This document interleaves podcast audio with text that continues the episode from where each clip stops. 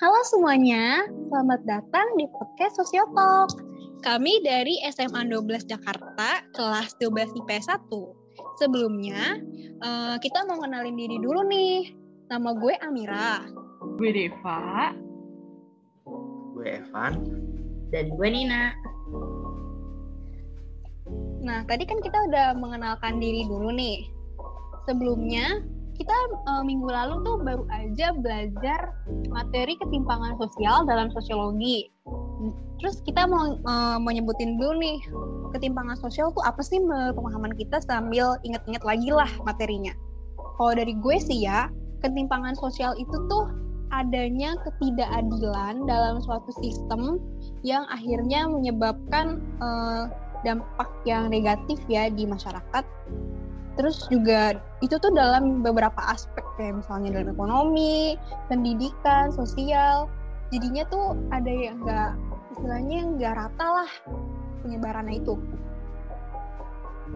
Uh, bener banget Amira. Kalau menurut gue ya ketimpangan sosial itu tuh merupakan perbedaan yang ada yang terdapat di masyarakat. Karena adanya ketidakadilan benar kata Amira tadi yang didapat oleh masyarakat-masyarakat tersebut gitu benar gak jauh beda sama gue kalau menurut gue sih ketimpangan sosial tuh kayak ketidakseimbangan dan jarak di tengah-tengah masyarakat tuh yang membatasi peran dan akses masyarakat di berbagai bidang gitu. Iya benar dan kalau gue berarti gabungan dari hampir gabungan dari semuanya. Kalau menurut gue itu ya ketimpangan sosial itu berarti ketidakseimbangan yang terjadi di masyarakat yang apa biasanya itu karena perbedaan status sosial, ekonomi maupun budaya sedang bilang Amira dan itu jadinya menyebabkan ketidakadilan yang terlihat jelas di masyarakat itu sendiri. Nah, kita ada topik nih yang mau dibicarakan. Topiknya itu ketimpangan gender dan relasinya terhadap kekerasan seksual. Iya betul. Nah, alasan kita uh, mau ngomongin soal topik ketimpangan gender itu karena yang pertama menurut kami itu uh, topik ini ada urgensinya. Nah, urgensinya kenapa? Karena kan kita podcast hari ini kan itu tanggal 26 ya. Nah, sebelumnya itu kemarin tanggal 25 itu adalah hari anti kekerasan terhadap perempuan. Jadi uh, itulah mengapa kami menganggap uh, untuk membicarakan topik itu ada urgensinya. Uh, le supaya lebih dibicarakan itu uh, supaya lebih banyak orang yang mempunyai kesadaran mengenai bahayanya kekerasan seksual dan juga supaya bisa dicegah. Benar banget. Nah, karena orang mempunyai kesadaran mengenai bahayanya, semakin banyak orang juga yang bisa bersuara atau speak up nih mengenai isu-isu tersebut gitu. Dan ditambah lagi menambah wawasan yang bermanfaat bagi yang mendengarkan tidak hanya untuk diingat tapi juga untuk diamalkan dalam kehidupan sehari-harinya.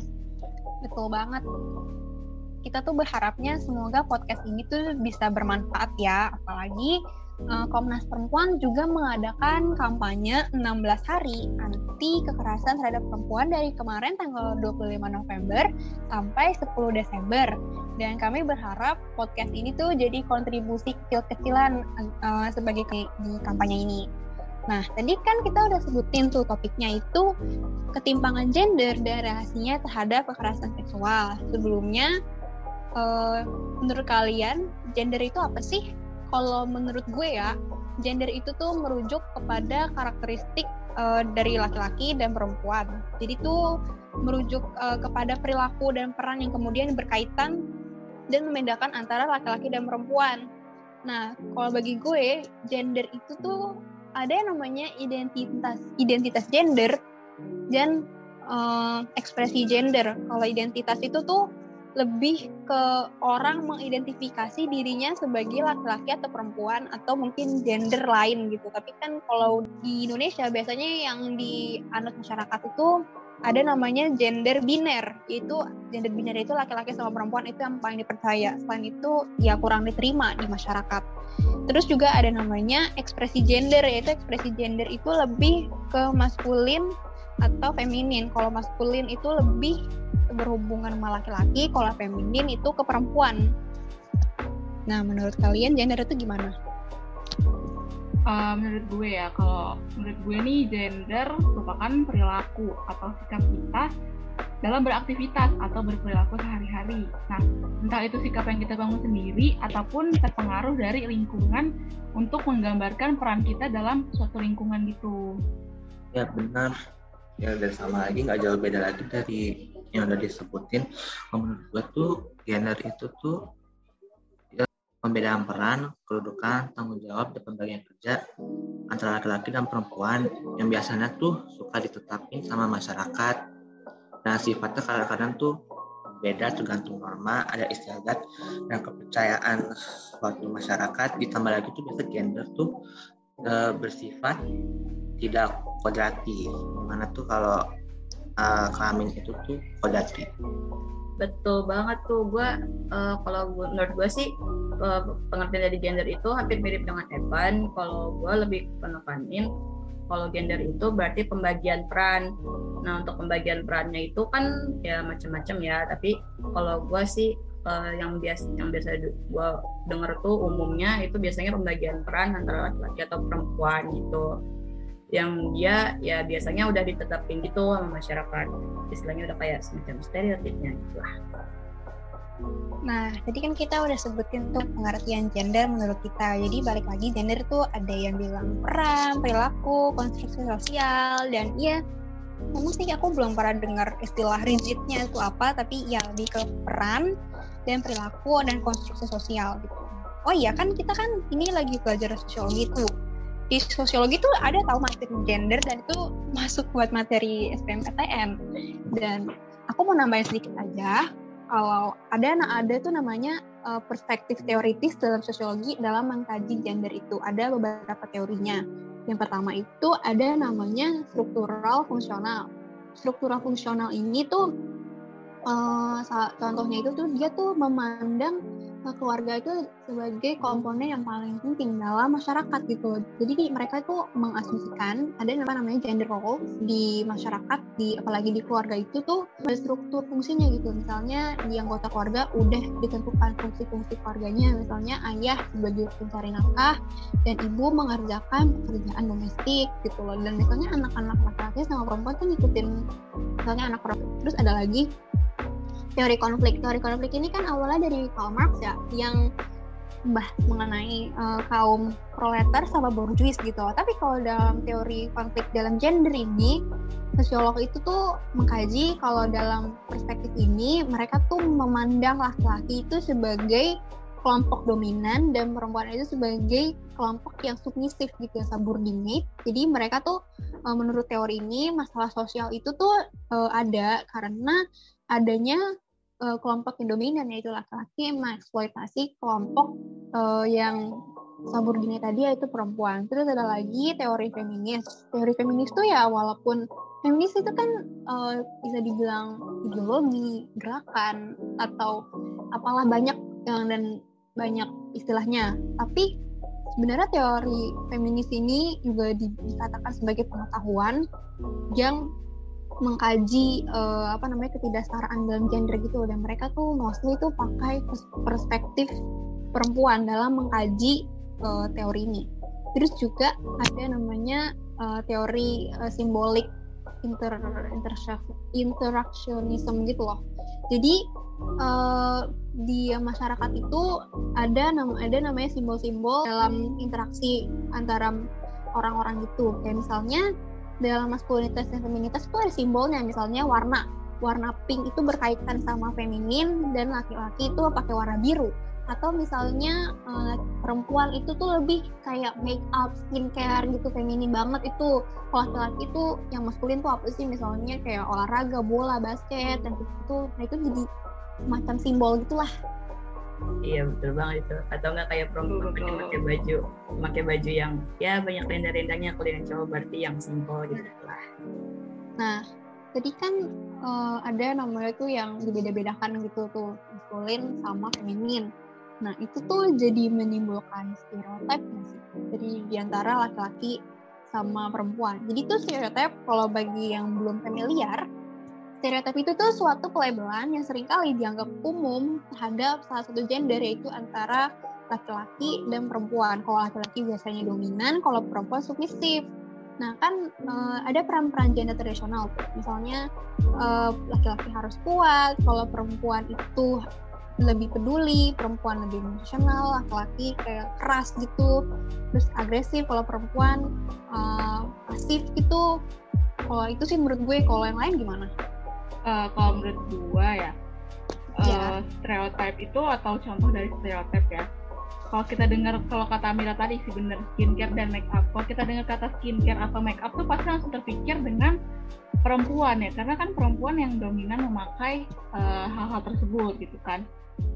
Nah, karena adanya hal tersebut tuh disebabkan karena ada beberapa orang yang mulai beli make up dan skincare itu hanya dipakai oleh perempuan aja, padahal kan enggak ya. Laki-laki itu juga bisa memakai skincare, juga bisa memakai make up.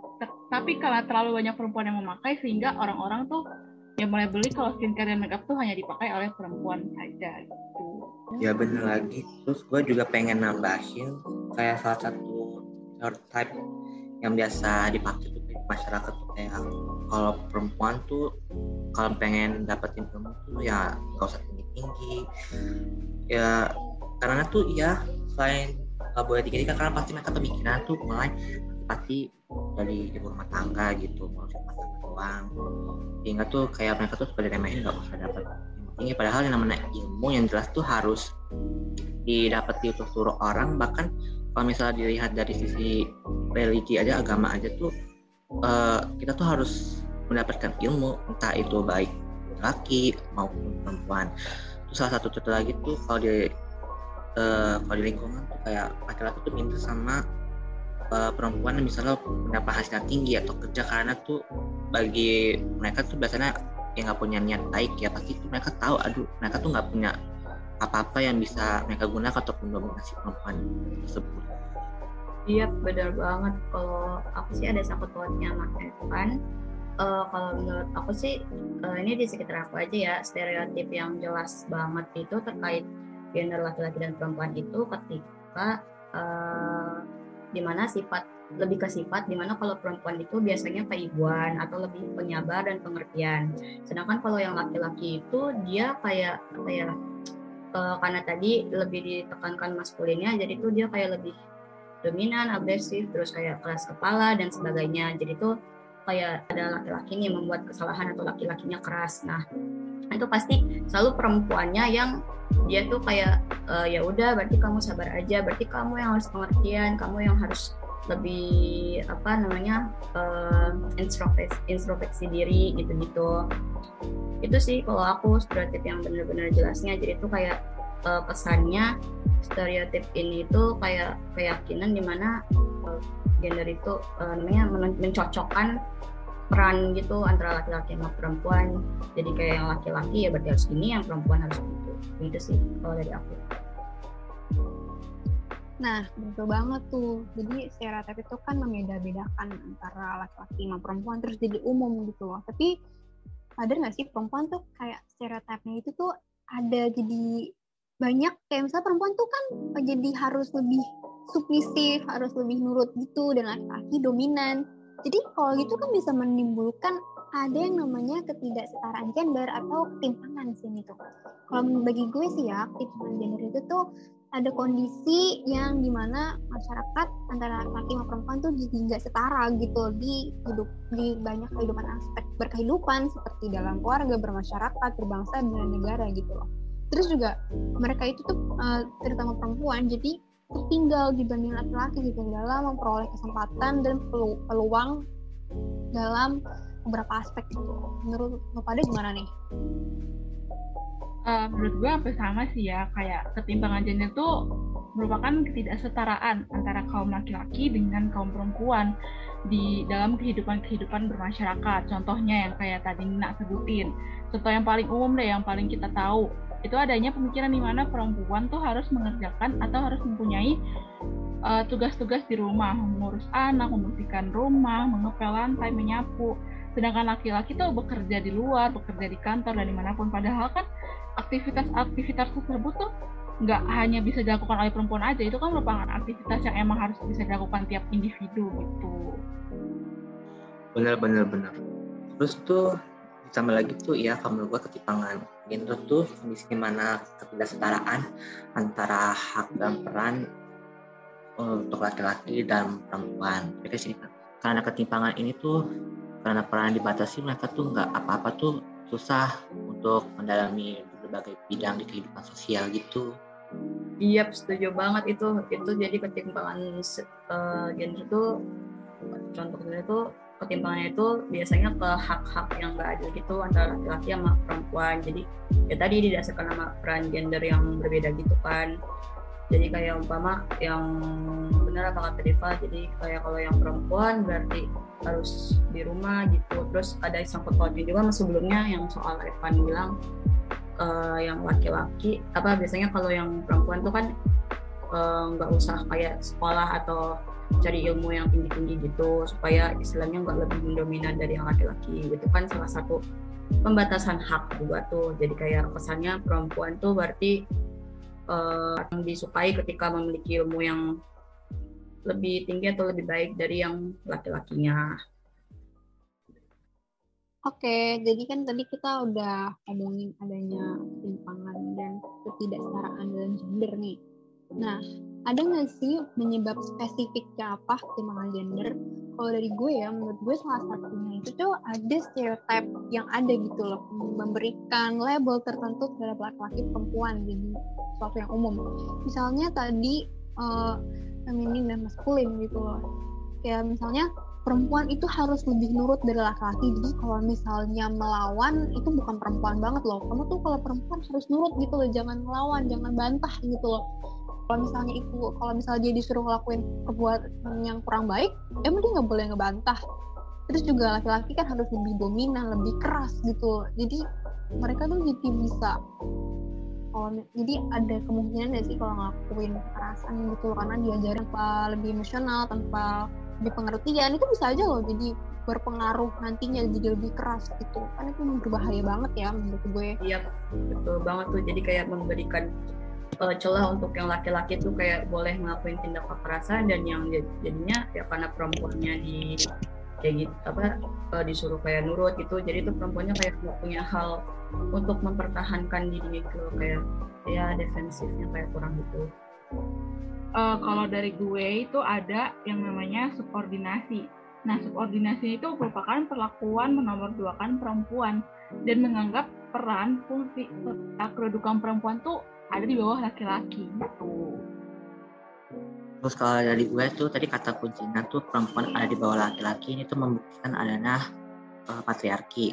Patriarki itu menempatkan kaum laki-laki secara kodrati memiliki superioritas atas kaum perempuan dalam kehidupan pribadi, keluarga, masyarakat, dan negara sehingga hal-hal ini tuh biasanya membatasi uh, kaum perempuan atau wanita. Tapi secara tidak sadar atau langsung gitu patriarki ini tuh juga merugikan untuk kaum laki-laki. Kenapa? Karena bagi mereka yang tidak memenuhi kualifikasi patriarki ini tuh biasanya tuh akan berakhir terkucilkan dalam lingkungan sosial.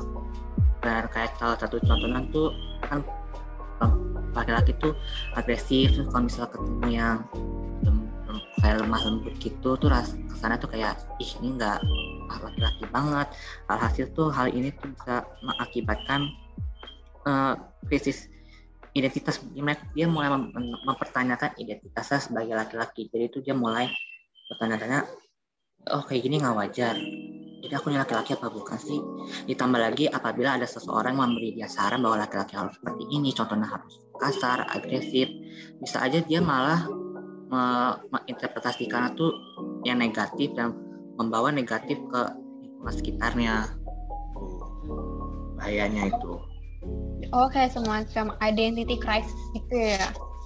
Gue juga kan tadi kan gue juga bilang ya ada namanya ekspresi gender gitu dalam uh, itu maskulin sama feminin gitu jadi tapi kan sayangnya itu maskulin sama feminin itu kan dibagi-bagi feminin buat perempuan, laki-laki yang maskulin. Padahal itu kan yang namanya mengekspresikan gender itu kan setiap orang kan berbeda gitu loh. Jadi walaupun ada namanya laki-laki sama perempuan, berarti kan cara mengekspresikan gendernya itu kan nggak bisa sama gitu loh. Setiap orang itu beda gitu. Harusnya ya dengan belajar sosial harusnya dengan belajar sosiologi menurut gue uh, kita tuh jadi lebih memahami manusia kalau manusia itu tidak ada yang sama gitu. Apalagi dalam berperilaku dalam mengekspresikan sesuatu itu nggak bisa disamakan. Dalam dikotak-kotakin maskulin feminin enggak. Benar banget.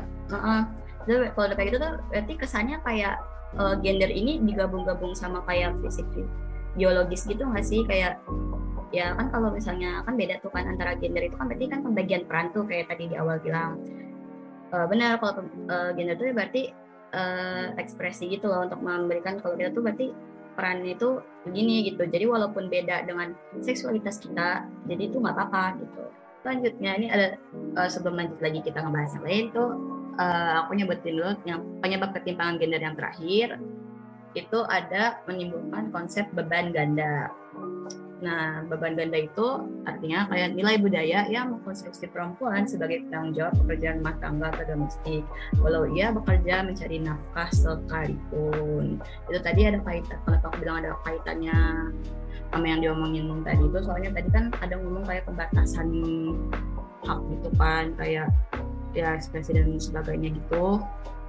Itu berarti ngaruh juga kayak sumpamanya ada perempuan yang dia pengen nunjukin kalau dia itu bisa berkarir juga layaknya laki-laki sehingga uh, tapi di satu sisi juga kayak ada stereotip yang uh, mengharuskan kayak perempuan itu berarti apa perempuan juga harus bisa melaksanakan pekerjaan rumah tangga sehingga menimbulkan adanya beban ganda yang memberatkan. Kalau dari sini sih keterangannya berarti memberatkan kaum perempuan ya tuh Nah, iya itu beban ganda itu bisa dibilang lebih memberatkan perempuan ya karena dia kayak misalnya bangun pagi harus bikin sarapan, harus masak dulu, habis itu dia uh, dia kerja lagi, habis itu pulang ngurusin anak lagi. Padahal terus juga suaminya kalau misalnya dia suami cuma nyari nafkah, tapi habis itu apakah dia mengerjakan pekerjaan domestik? Ada kan laki yang patriarkis nggak mau mengerjakan pekerjaan rumah tangga gitu loh. Iya. Harusnya pekerjaan domestik itu tuh menurut gue ya ya harusnya equal gitu. Perempuan yeah. laki harus bisa gitu. Suami istri harusnya bisa dong uh, pekerjaan domestik paling enggak dalam hal cuci piring gitu dalam terus kayak nyapu ngepel. Harusnya laki-laki juga bisa dong ngelakuin kegiatan kayak gitu juga harus perempuan dan betul banget itu tuh kayak udah life skill sih sebetulnya. Iya. Ini tuh banyak banget ya contoh-contoh nggak setaranya dan penyebabnya juga. Ternyata walaupun sedikit kita nyebutin cuma empat ya sebenarnya kita yang ngomongin yang namanya ketidaksetaraan itu tuh banyak faktor lain. Cuma kan kita nggak bisa sebutin semuanya tapi itu kayak yang lebih umum lah faktor lainnya interseksional lebih ada tapi seenggaknya ya itu yang bisa kami sebutin. Terus juga kita masuk ke inti topik kan tadi kan kita udah menyebutkan uh, ketimpangan gender terus penyebabnya apa. Sekarang kita uh, inti topiknya yaitu tadi ketimpangan gender dan uh, relasinya dengan kekerasan seksual. Dan sekarang aku mau nyebutin dulu uh, apa sih itu kekerasan seksual? Menurut pemahaman aku selama ini, kekerasan seksual itu salah satu bentuk dari kekerasan berbasis gender gitu di dalam masyarakat. Jadi kekerasan seksual itu tuh uh, adalah salah satu bukti dari ketimpangan sosial gitu loh. Jadi perempuan kedudukannya itu tidak uh, setara di antara laki-laki, laki-laki itu akan mulai lebih uh, lebih violent terhadap perempuan uh, kalau menurut gue ya kekerasan seksual tuh kayak suatu tindakan yang ngebuat tuh seorang gak nyaman karena ya mungkin dari pelaku melakukan suatu uh, semacam kekerasan yang bersifat seksual. Nah contohnya tuh kekerasan seksual yang kita tahu tuh kan kayak ada kekerasan fisik, kekerasan seksual fisik gitu kan yang biasa kita tahu.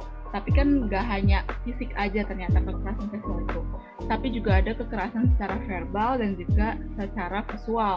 Contohnya secara verbal, yaitu catcalling. Kadang kan uh, bentuk catcalling itu ada yang suka seperti godain atau kayak siul-siulin dengan buat tuh kita kayak gak nyaman gitu kan.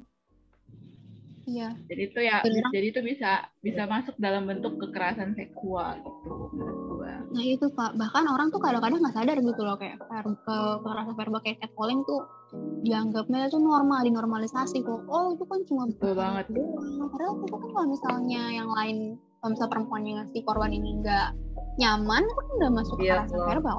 Sampai risih gitu juga kan, bener sih. Hmm kalau menurutku gimana, Van? Apa namanya itu kekerasan seksual menurut lo itu apa?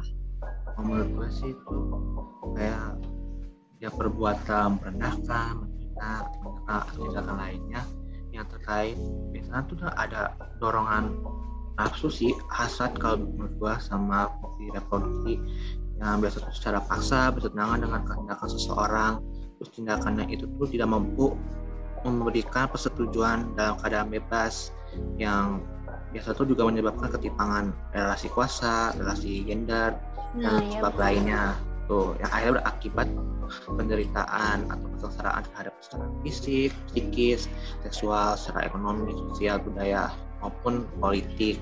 Tuh, luas banget soalnya. Betul banget ada relasi kuasa di situ. Betul. Wah, uh, sebenarnya sih kalau misalnya dari penjelasan Evan tadi tuh udah lengkap banget sih ya. Kalau gue sih, uh, menurut gue kekerasan seksual itu ya mirip-mirip Deva dan juga Evan. Jadi kayak ya berarti kekerasan seksual itu umumnya berhubungan sama uh, organ reproduksi atau jenis kelamin ya. Soalnya kan seksual ini kan berarti dia lebih kepada uh, tubuh gitu kan, tubuh manusia yang perempuannya biasa ada uh, dan sebagainya gitu-gitu kan jadi ya gitu sih kalau menurut gue pasti ada biasanya umumnya uh, sangkut pautnya tuh akan hal organ reproduksi manusia gitu. Tapi ada juga yang tadi dibilang kayak Deva uh, kekerasan seksual itu kayak ya nggak cuma itu uh, tapi kalau menurut gue itu lebih kepada maksudnya kalau pelecehan seksual sih kan kalau kekerasan itu kan ya udah menimbulkan tahu kan kayak kayak benar-benar nggak bisa melawan gitu jadi bersikap defensif dan sebagainya. Iya jadi itu mungkin kekerasan seksual pelecehan secara verbal maupun fisik itu sebenarnya dipayungin sama istilahnya kekerasan berbasis gender gitu dan itu yang tadi yang kayak kita udah sebutin tadi itu kayak misalnya dalam bentuk verbal fisik dan visual kayak Uh, ini kan biasanya kalau misalnya kekerasan seksual itu kan memang yang paling sering dibicarakan itu kan uh, kepada perempuan ya karena memang korbannya itu paling banyak perempuan. Tapi nggak bisa disangkal juga ada fakta bahwa laki-laki itu juga bisa jadi korban kekerasan gitu loh. Jadi kekerasan seksual itu tidak memandang gender gitu. Uh, terlepas dari hal itu uh, gue pernah nih ya uh, dapat data itu sedih sih jadi tuh menurut catatan tahunan Komnas Perempuan itu tercatat sepanjang 2020 itu udah ada sekitar 299.911 kasus kekerasan loh. Nah, angka tersebut Wah, banyak banget. Iya, makanya kan uh, iya. Angka tersebut itu uh, dibilangnya sih itu walaupun jumlahnya ratusan yang 299 ribu itu itu udah disebutnya tuh angka yang menurun gitu loh, menurun signifikan dibanding laporan tahun lalunya. Tahu berapa? itu berapa? Gede banget sih 431.471 kasus. Oh, dua kali dua kali lipatnya tuh daripada yang tahun yang sepanjang 2020 itu kan. Terus hmm. kalau dari data itu juga uh, dibilang itu bentuk bentuk kekerasan yang paling menonjol itu uh, di ranah pribadi itu uh, kekerasan fisik. Kekerasan fisik itu ada sekitar 31% atau 2025 kasus terus disusul sama kekerasan seksual sebanyak 1983 kasus atau 30 persen. Terus disusul lagi sama kekerasan psikis 1792 atau 1792 kasus. Dan yang terakhir itu kekerasan karena ekonomi itu biasanya 980 kasus itu 10 persen. Kan ini ini yang tercatat doang ya di Komnas Perempuan yang ada 299.911 itu itu itu yang terlapor doang loh. Bagaimana yang nggak terlapor jadi ya, istilahnya gitu. tuh kalian pernah lihat gak sih uh, ini apa namanya uh, gunung es yang di permukaan itu yang muncul tuh cuma se, se apa namanya tuh cuma cuma sedikit doang. Tapi pas dilihat di, di di bawah airnya itu ternyata banyak banget apa namanya tuh lebih luas lagi. Dan kekerasan seksual tuh kalau dibaratkan tuh gitu yang muncul di permukaan itu mungkin cuma di 299 911 itu yang yang tercatat. Tapi di bawahnya bisa aja lebih banyak lagi dan itu mungkin nggak tercatat karena bisa jadi korban takut melapor diancam si pelaku kalian pernah dengar nggak sih uh, kalau misalnya main Twitter uh, kekerasan seksual yang dialami sama si pegawai KPI itu yang itu dialami malah laki Iya, loh betul Di- betul betul banget. Itu itu parah sih. dan itu tuh di dan itu terjadi selama bertahun-tahun dan dia tuh baru ngelap dan pas ngelapor tuh baru bertahun-tahun kemudian dan baru viral. Kayak ke sana tuh polisi dan orang-orang itu kayak baru bergerak itu kalau misalnya baru viral gitu loh. Jadi kalau misalnya Iya. viral nggak di- diusut lagi. Benar-benar dan kasihannya Itu. lagi eh gue sih ngelihatnya komentarnya tuh bahkan ada yang tetap menganggapnya tuh kayak ya itu cuman bohongan itu cuman kayak caper biar viral gitu-gitu sih. Padahal ya kalau misalnya beneran gitu bayangin aja udah nahan kayak gitu selama bertahun-tahun terus dilapor ternyata dianggapnya kayak prank gitu atau apa. Belum denger lagi sih kelanjutan kasusnya. Benar antara tertimbun antara tertimbun atau apa ya semoga aja sih si korbannya itu dapat keadilan. Terus juga gue baru dan gue baru baca kasus lagi. Jadi kemarin kan itu kan hari anti kekerasan perempuan tanggal 20 November kemarin tapi sedihnya gue baru baca uh, uh, sebuah reportase dari media namanya Project Multatuli.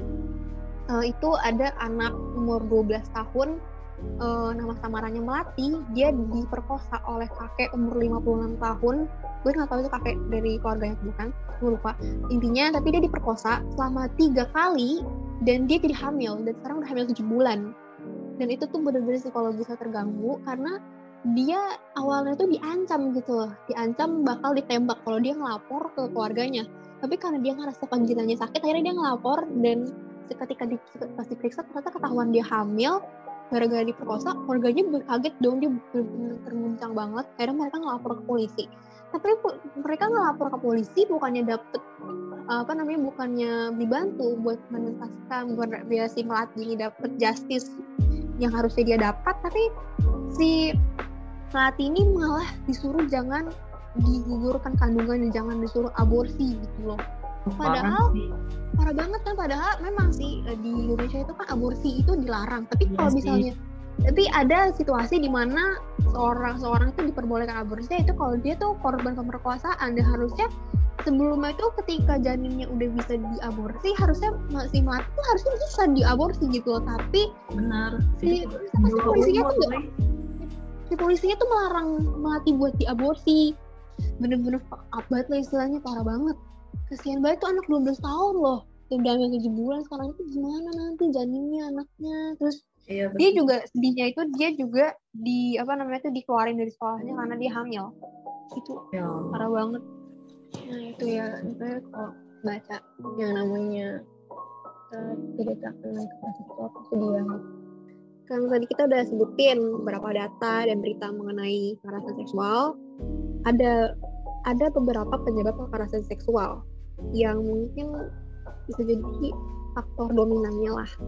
Yang pertama yaitu masih ditanamkannya peran gender tradisional gitu. Mungkin ini kedengarannya sepele tapi kan tadi kita udah sebutkan ya laki-laki itu eh, dari kecil tuh misalnya mereka tuh buat lebih agresif dan dominan tanpa eh, aspek emosional gitu tanpa emosi tanpa perasaan. Sedangkan perempuan diajarkan buat lebih submisif atau nurut pasif yang menyebabkan mereka tuh nggak biasa buat bicara gitu buat fight for themselves. Dan ini tuh yang menyebabkan adanya ketimpangan kekuatan dan konstruksi gender tuh yang nggak setara gitu loh. Terus um, ada penelitian yang judulnya Gender Inequality, Violence Against Women, and Fear Cross National Test a Feminist Theory of Violence Against Women yang ditulis oleh dan diteliti oleh Kerry Yodanis.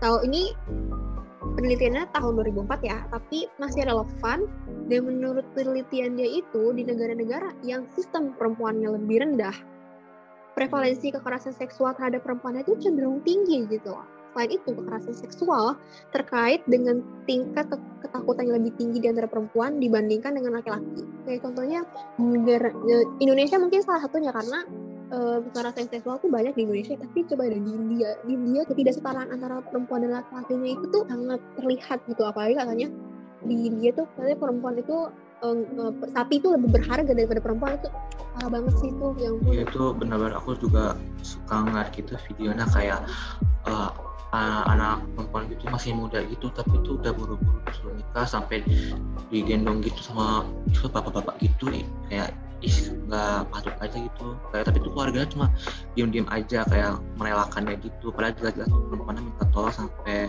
nangis-nangis gak mau gitu dipaksa nikah. Uh, kalau dari gue ya itu adanya seksisme yaitu timbulnya prasangka diskriminasi stereotip terhadap gender tertentu dan juga terutama pada perempuan. Contoh jenis-jenis seksisme itu ada dua. Yang utama tuh hostile seksis. Itu tuh merupakan seksis negatif terhadap perempuan dibandingkan laki-laki. Contohnya itu uh, menyalahkan perempuan memakai pakaian yang terbuka dan sehingga tuh mereka mendapatkan pelecehan seksual dari eh, laki-laki uh, contohnya. Kebanyakan tuh perempuan disalahkan karena kenapa sih pakai uh, pakai pakaian yang terbuka padahal kan ya ini di tempat umum gitu. Padahal kan ya laki-laki juga harus menjaga diri mereka untuk gak melakukan pelecehan tersebut gitu kan. Betul, betul banget itu. Harusnya bukan perempuan doang dong ini disuruh uh, iya, menjaga diri. Tapi laki-laki juga harus tahu diri. Makanya kalau agama kita uh, aku mau dikit ya tentang dari agama Islam uh, walaupun perempuan juga disuruh uh, dianjurkan untuk menjaga apa namanya itu menjaga aurat disuruh pakai kerudung tapi laki-laki kan juga harus menjaga nafsunya. Apalagi katanya kalau belum menikah disuruh berpuasa agar bisa menjaga nafsunya itu. Aku lupa surat ayat berapa tapi ada aku pernah itu. Nah, yang kedua tuh ada seksi, uh, benevolent sexism. Itu tuh merupakan sikap baik, peduli, sopan yang bersifat protektif terhadap perempuan sebagai hasil dari anggapan bahwa tuh perempuan uh, perempuan tuh uh, makhluk lemah gitu dan dan butuh proteksi lebih dari laki-laki. Contohnya perempuan kalau malam-malam tuh nggak boleh keluar malam karena ya bisa membahayakan perempuan padahal kan ya bisa aja dengan kita menjaga diri gitu. Terus selanjutnya tuh ada yang namanya rap culture. Rap culture tuh suatu budaya masyarakat atau lingkungan yang menyepelekan lebih parahnya tuh menormalisasikan kekerasan seksual. Uh, terus ini kayak ada tingkat-tingkatannya gitu, mulai dari yang dinormalisasi, degradation atau yang udah arah buruk, terus baru assault atau sudah mulai penyerangan. Kalau normalization, yang dinormalisasi itu biasanya tuh yang uh, kayak sifat-sifat perilaku seksis, terus jokes-jokes yang yang berbau rape gitu sama catcalling kalau sudah degradation arah kalau dan terakhir tuh asal tuh udah mulai penganiayaan terus bagi menggunakan obat-obatan terhadap korban. Dan puncaknya tuh rape pemerkosaan itu sendiri. Ini tuh ada nyatanya di masyarakat gitu rape culture tuh. Cuma masyarakat tuh kadang nggak sadar aja gitu dengan mereka melontarkan rape jokes terus juga catcalling itu kan udah bagian dari rape culture aja cuma karena sayangnya dinormalisasi jadi masyarakat ya ya udahlah. Uh, biasanya tuh kalau misalnya udah ada budaya apa budaya rape culture itu itu pasti ada kayak semacam uh, bukan budaya sih lebih kepada kebiasaan di mana menyalahkan korban atau uh, victim blaming. Nah biasanya tuh ya tahu kan masyarakat tuh langsung berprasangka buruknya tuh kalau ada kejadian kayak uh, seksual gitu berarti uh, yang disalahin tuh korbannya gitu loh terus suka dihakimin gitu korbannya daripada mencari akar permasalahannya. Itu biasanya tuh disebabkan masyarakat yang kurang pemahaman akan perspektif korban itu. Terus juga biasanya terjadi uh, di sekitar institusi atau wilayah yang dia itu kental banget akan maskulinitas victim blaming ini terjadi juga karena kurang apa kurangnya keterwakilan perempuan dan kepekaan gender dalam sistem hukum dan peradilan peradilan pidana yang berkontribusi pada masyarakat di mana laki-laki itu dapat menggunakan kekerasan fisik terhadap pasangan intim tanpa takut akan hukuman. Uh, dari penelitian juga yang berjudul Gender Inequality Violence Against Women and and Fear Across National Test of Feminist Theory of Violence Against Women itu disebutin kalau uh, victim blaming itu karena adanya kurangnya representasi perempuan dan kepekaan gender dalam sistem hukum dan peradilan pidana yang berkonsumsi pada masyarakat. Uh, seperti yang tadi saya bilang itu uh, di mana laki-laki itu dapat melakukan kekerasan fisik terhadap perempuan tanpa takut akan hukuman. Jadi kan kita udah menyebutkan uh, victim blaming gitu. Uh, apa itu victim blaming? Nah, kita tuh udah sering dengar bentuk-bentuk dari victim blaming gitu loh. Jadi kita mau bedah satu persatu menurut data gitu loh. Bentuk-bentuk dari victim blaming apakah itu benar? Uh, nah, yang pertama ada menyalahkan pakaian korban gitu. Bener nggak sih kalau pakaian itu berpengaruh terhadap korban kekerasan seksual gitu jadinya. Nah, ada sebuah survei yang dilakukan oleh Detik. Uh, survei itu dilakukan oleh uh, ada sekitar 32.340 responden dan lima besar pakaian yang dikenakan perempuan saat terjadi pelecehan seksual adalah rok atau celana panjang sebesar 17,47 persen atau 5.651 responden. Yang kedua ada baju lengan panjang 15,82 persen yaitu 5.117 responden. Baju seragam sekolah 14,23 persen atau 461 responden. Baju longgar sebesar 13,80 persen dan berhijab pendek atau sedang 13,20 persen. Dan ini aja ini yang lima besar aja itu pakaian tertutup loh dan buktinya kalau perempuan masih pakai baju yang tertutup aja masih mendapat pelecehan seksual berarti kan membuktikan bahwa pakaian itu tidak terlalu berpengaruh tapi lebih ke pola pikir si pelaku. Nah selanjutnya itu ada uh, dengan menyalahkan lokasi. Menurut dari data BBC Indonesia, orang-orang nih uh, orang-orang sering kali menyalahkan lokasi saat hal itu terjadi. Temuan lain dari survei BBC Indonesia ini mengungkapkan lokasi di ruang publik itu merupakan lokasi yang paling banyak uh, terjadi pelecehan seksual. Dan BBC ini tuh melakukan survei terhadap 46.349 responden. Dan 15, 15 responden menjawab sekolah dan kampus, 19 responden menjawab transportasi umum dan termasuk halte, dan 33 responden menjawab jalanan umum. Berarti kan ini membuktikan kalau ya di tempat publik aja tuh kita bisa mendapatkan pelecehan seksual gitu. Gimana kalau misalnya tempat sepi atau di tempat-tempat yang emang gak banyak orang gitu kan. Lanjut, ada lagi tuh mereka biasanya menyalakan waktu, kayak tuh menyalakan waktu, mabuknya keluar malam, terus apakah betul permainan paling berbahaya? Padahal kenyataannya tidak. Kejadian pelecehan seksual di ruang publik paling tinggi terjadi di siang hari di mana tuh angkanya sampai 35 persen. Sedangkan di pagi hari 17 persen. Sore hari 25 persen. Dan malam 21 persen. Ini dan tidak sesuai data yang yang ada kenapa kalau misalnya kenapa paling banyak siang karena sudah jelas siang itu tuh merupakan puncaknya mana tuh banyak masyarakat tuh beraktivitas sudah mulai sibuk sana kemari di ruang publik. Terus lanjut lagi ada uh, victim blaming itu di mana menyalahkan kendaraan. Kan kadang ada tuh yang kayak uh, kenapa kok jalannya tuh sendiri gitu, kenapa jalan kaki. Nah dari data BBC Indonesia, uh, hasil survei pelecehan seksual di ruang publik yang diadakan oleh Koalisi Ruang Publik Aman atau KRPA itu menunjukkan kalau pelecehan seksual itu uh, terjadi di kendaraan kaya transportasi umum yang mencapai 15,77 persen dan menjadi lokasi kedua tertinggi setelah jalanan umum atau 28,22 persen. Nah, di transportasi umum itu sebanyak 46,80 persen dari 62.224 responden mengaku pernah mengalami pelecehan seksual di transportasi umum. Itu dia di bus itu ada 29,49 persen, lalu di angkutan kota atau angkot 18,14 persen, uh, di kereta rel itu itu ada 18 persen dan di ojek online itu ada 4,79 persen dan untuk ojek konvensional itu 4,27 persen. Nah, responden juga mengaku ketika mengalami pelecehan seksual itu mayoritas apa saksi itu banyak yang mengabaikan dan juga bahkan ada yang memperparah keadaan dengan menertawai atau menyalahkan korban. Sedangkan hanya beberapa saksi yang menolong dan membela korban. Ada juga uh, orang biasanya nyalain korban. Kenapa sih pergi sendiri gitu loh? Ini ada survei yang dilakukan oleh Komnas Perempuan yang menunjukkan bahwa kekerasan seksual paling banyak itu dilakukan oleh pacar gitu loh. Ini uh, surveinya ini tuh dijawab oleh jumlahnya ada 2.988 orang dan ini menunjukkan kalau pacar itu jadi uh, pelaku kekerasan seksual gitu loh pacar. Dan itu jumlahnya ada 1.670 dan ya terus ada lagi diikuti oleh ayah. Ayah berjumlah 365 terus ada paman jumlah 306 ayah tiri 163 dan suami 195 gitu. Loh berarti itu kan berarti orang terdekat gitu loh.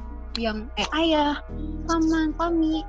Itu ada ada KDRT gitu. Dan bentuknya itu ada seksual ekonomi fisik dan psikis. Gitu. orang terdekat aja bisa jadi melakukan pelaku kekerasan seksual gitu. Itu bahaya banget terus lagi ada kata-kata kenapa nggak melawan balik kenapa nggak diem aja? Gitu.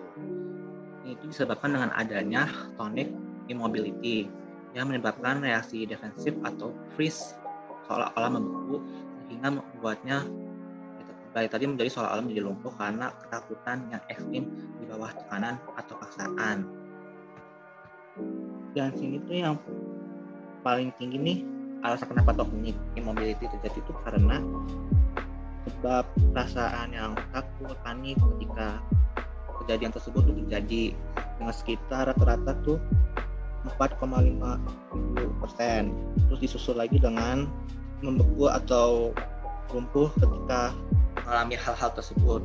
Dengan skor rata-rata 3,9 dan itu membuktikan ya karena tonic immobility ini mereka tidak diberdaya mereka tuh mengalami kesusahan untuk bertindak mereka tidak bisa berpikir jernih ketika mengalami hal-hal tersebut jadi uh, korban ini sangat terdampak ya akibat dari kekerasan seksual itu ada beberapa dampak yang terjadi gitu. Yang pertama ada dari dampak sisi psikologis. Yang pertama, korban mengalami post traumatic stress disorder atau PTSD.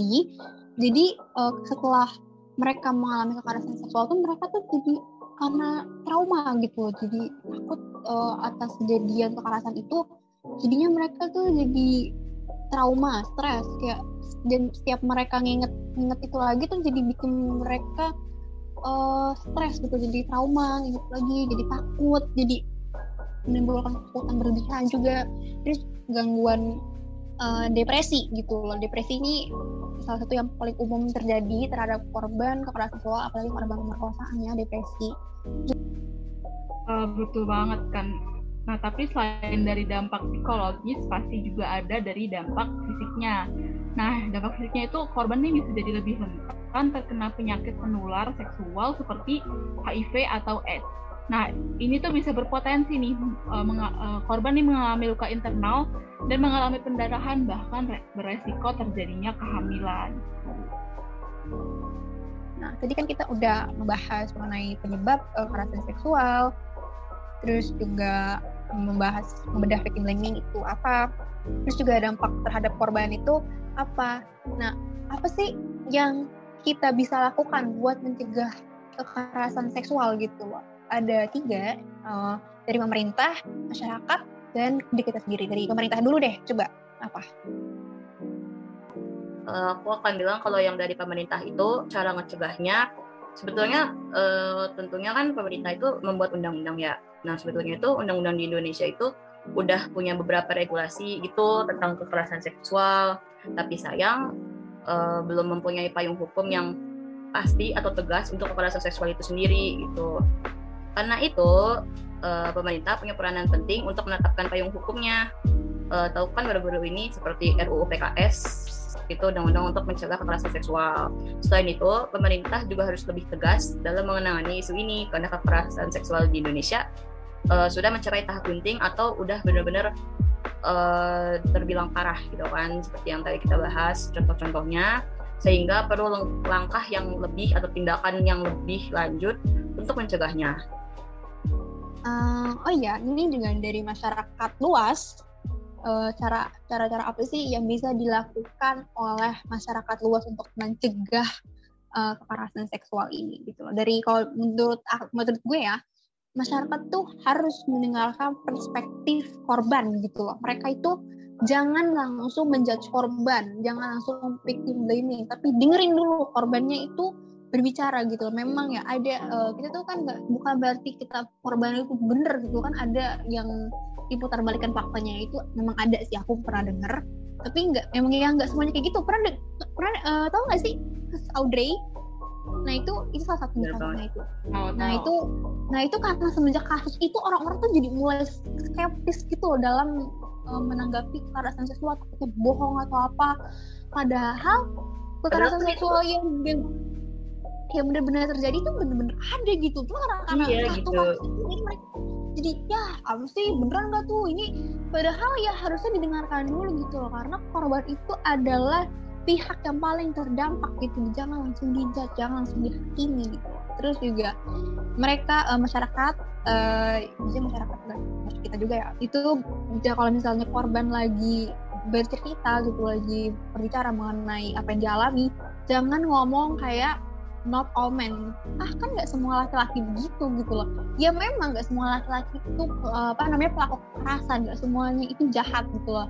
Ya memang iya. Tapi ini bukan tentang laki-laki ini tentang korban kekerasan tentang perempuan yang menjadi kekerasan dan apa dan apa pun gendernya dia itu korban. Dan itu tuh harusnya mereka tuh didengarkan gitu itu tentang dia bukan tentang laki-laki gitu loh terus juga kalau misalnya kenapa sih ngomongin laki-laki? Yang ngomongin jadi kekerasan eh, menjadi pelaku kekerasan mulu. Laki-laki yang baik itu kan banyak gitu. Iya emang banyak. Tapi emangnya kita harus uh, mengeluh-elukan itu selebrasi kalau laki-laki yang baik yang harusnya orang yang jadi baik itu orang yang apa namanya itu yang menghormati sama manusia lain memperlakukan setiap manusia dengan baik. Itu kan suatu harasan tuh itu bisa dibilang kalau kata gue bare minimum lah ya memperlakukan manusia lain dengan baik. Tapi kalau misalnya jadi pelaku ya haruslah diviralkan biar dia sadar gitu loh jadi sanksi sosial lah istilahnya ya betul banget kalau menurut gue masyarakat tuh nggak boleh langsung menghakimi. Ini sebenarnya nyambung kayak yang Amira tadi. Kita juga harus mendengarkan uh, perspektif dari korbannya dulu. Kita nggak boleh langsung menghakimi entah itu korban yang langsung salah atau mungkin ya pelakunya salah karena kita ya harus mendengarkan perspektif dari kedua belah pihak dulu gitu. Iya bener sih.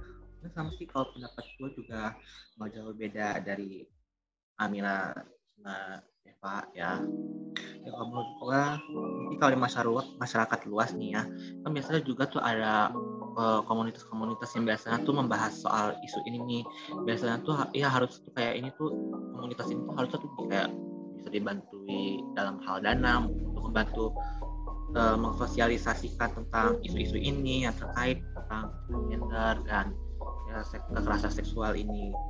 Sama nih kalau masyarakat masyarakat luas nih biasanya nih mereka lebih fokus uh, terutama nih karena saya sebagai laki-laki saya juga merasakan kayak mereka tuh masih masyarakat masyarakat luas tuh. Kalau laki-laki tuh ini ya sebaliknya laki-laki itu tugasnya tuh untuk melindungi perempuan. Tapi apakah banyak dari mereka tuh yang bilang ini laki-laki tuh uh, educate your son gitu. mereka lebih pilih protect your daughter protect your woman tapi mereka nggak pernah kayak mengatakan educate your son educate your uh, man or whatever it is yang pernah berkaitan dengan laki-laki. Padahal di mana tuh laki-laki yang ini padahal kalau misalnya tema patriarki dan memiliki uh, apa ya uh, kemampuan untuk melakukan hal lebih harusnya tuh hal yang seperti ini tuh kita bisa. Dari gue bener banget sih itu. Uh, kalau dari gue sih uh, bisa dibilang agak ya gabungan dari kalian ya ada ya berarti mesti masyarakat tuh berusaha untuk ya melihat dari perspektif korban atau sisi korban terus tidak menghakimi dan juga uh, berusaha kayak umpama memfasilitasi gitu kayak ya memberikan donasi dan sebagainya dan juga tadi benar kata Evan itu uh, seenggaknya itu mendidik gitu so, terkait ilmu-ilmu tentang ini kekerasan seksual, pelecehan seksual dan sebagainya. Jadi nggak hanya cuma kayak melindungi overprotective kayak melarang-melarang gitu, tapi tidak memberikan alasan kenapa hal itu nggak boleh gitu, kenapa kita harus begini gitu. Jadi kayak itu.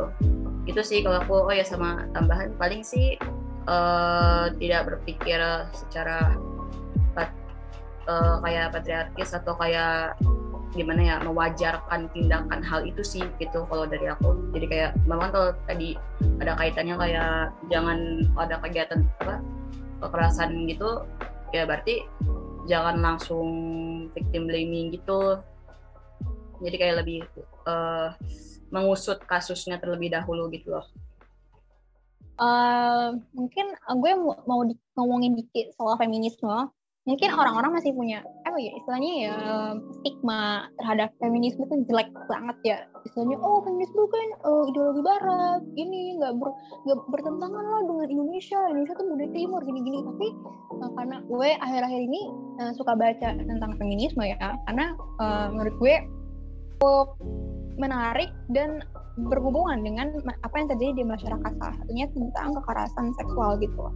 Dengan gue belajar soal feminisme sedikit gitu loh uh, di sela-sela belajar apa, justru feminisme itu uh, apa ya membuka perspektif baru dari buat gue kayak misalnya untuk lebih berempati kepada korban terus lebih aware dengan isu-isu kekerasan seksual atau isu-isu lain yang berhubungan dengan gender gitu loh itu menurut gue sedikit apa yang membantu gue untuk lebih memahami um, isu-isu kayak gini loh. Terus kayak gue juga follow akun-akun yang berhubungan dengan feminisme dan beberapa mungkin bisa gue terima gitu loh. Karena ya misalnya tentang perempuan gitu itu ya itu bagus banget menurut gue.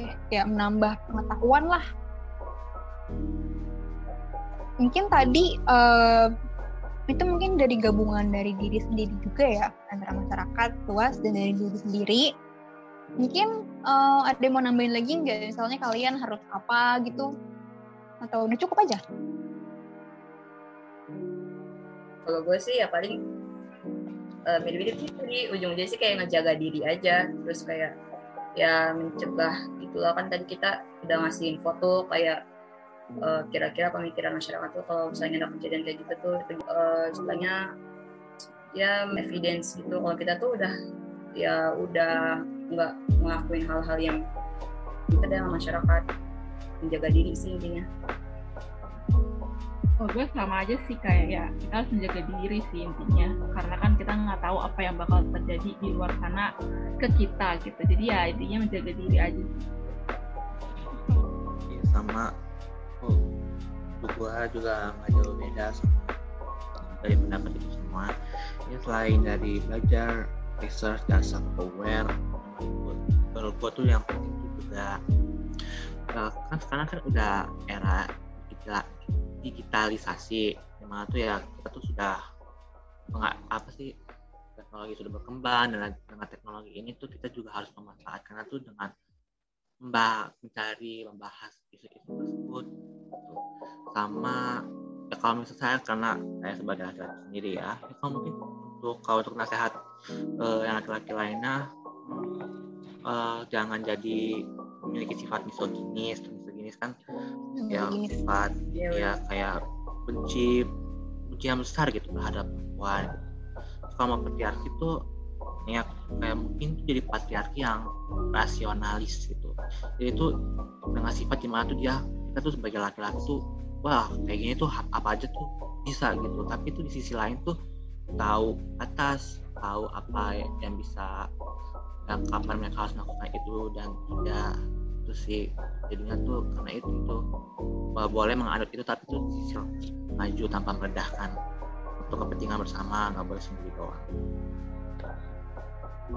Oke jadi kayaknya kita udah sampai di akhir segmen. Kita udah bahas mengenai gender itu apa timpangan gender kekerasan seksual penyebabnya apa membeda victim blaming. Terus juga kita udah bahas juga mengenai cara mencegah kekerasan seksual dari sudut pandang pemerintah masyarakat dan diri sendiri.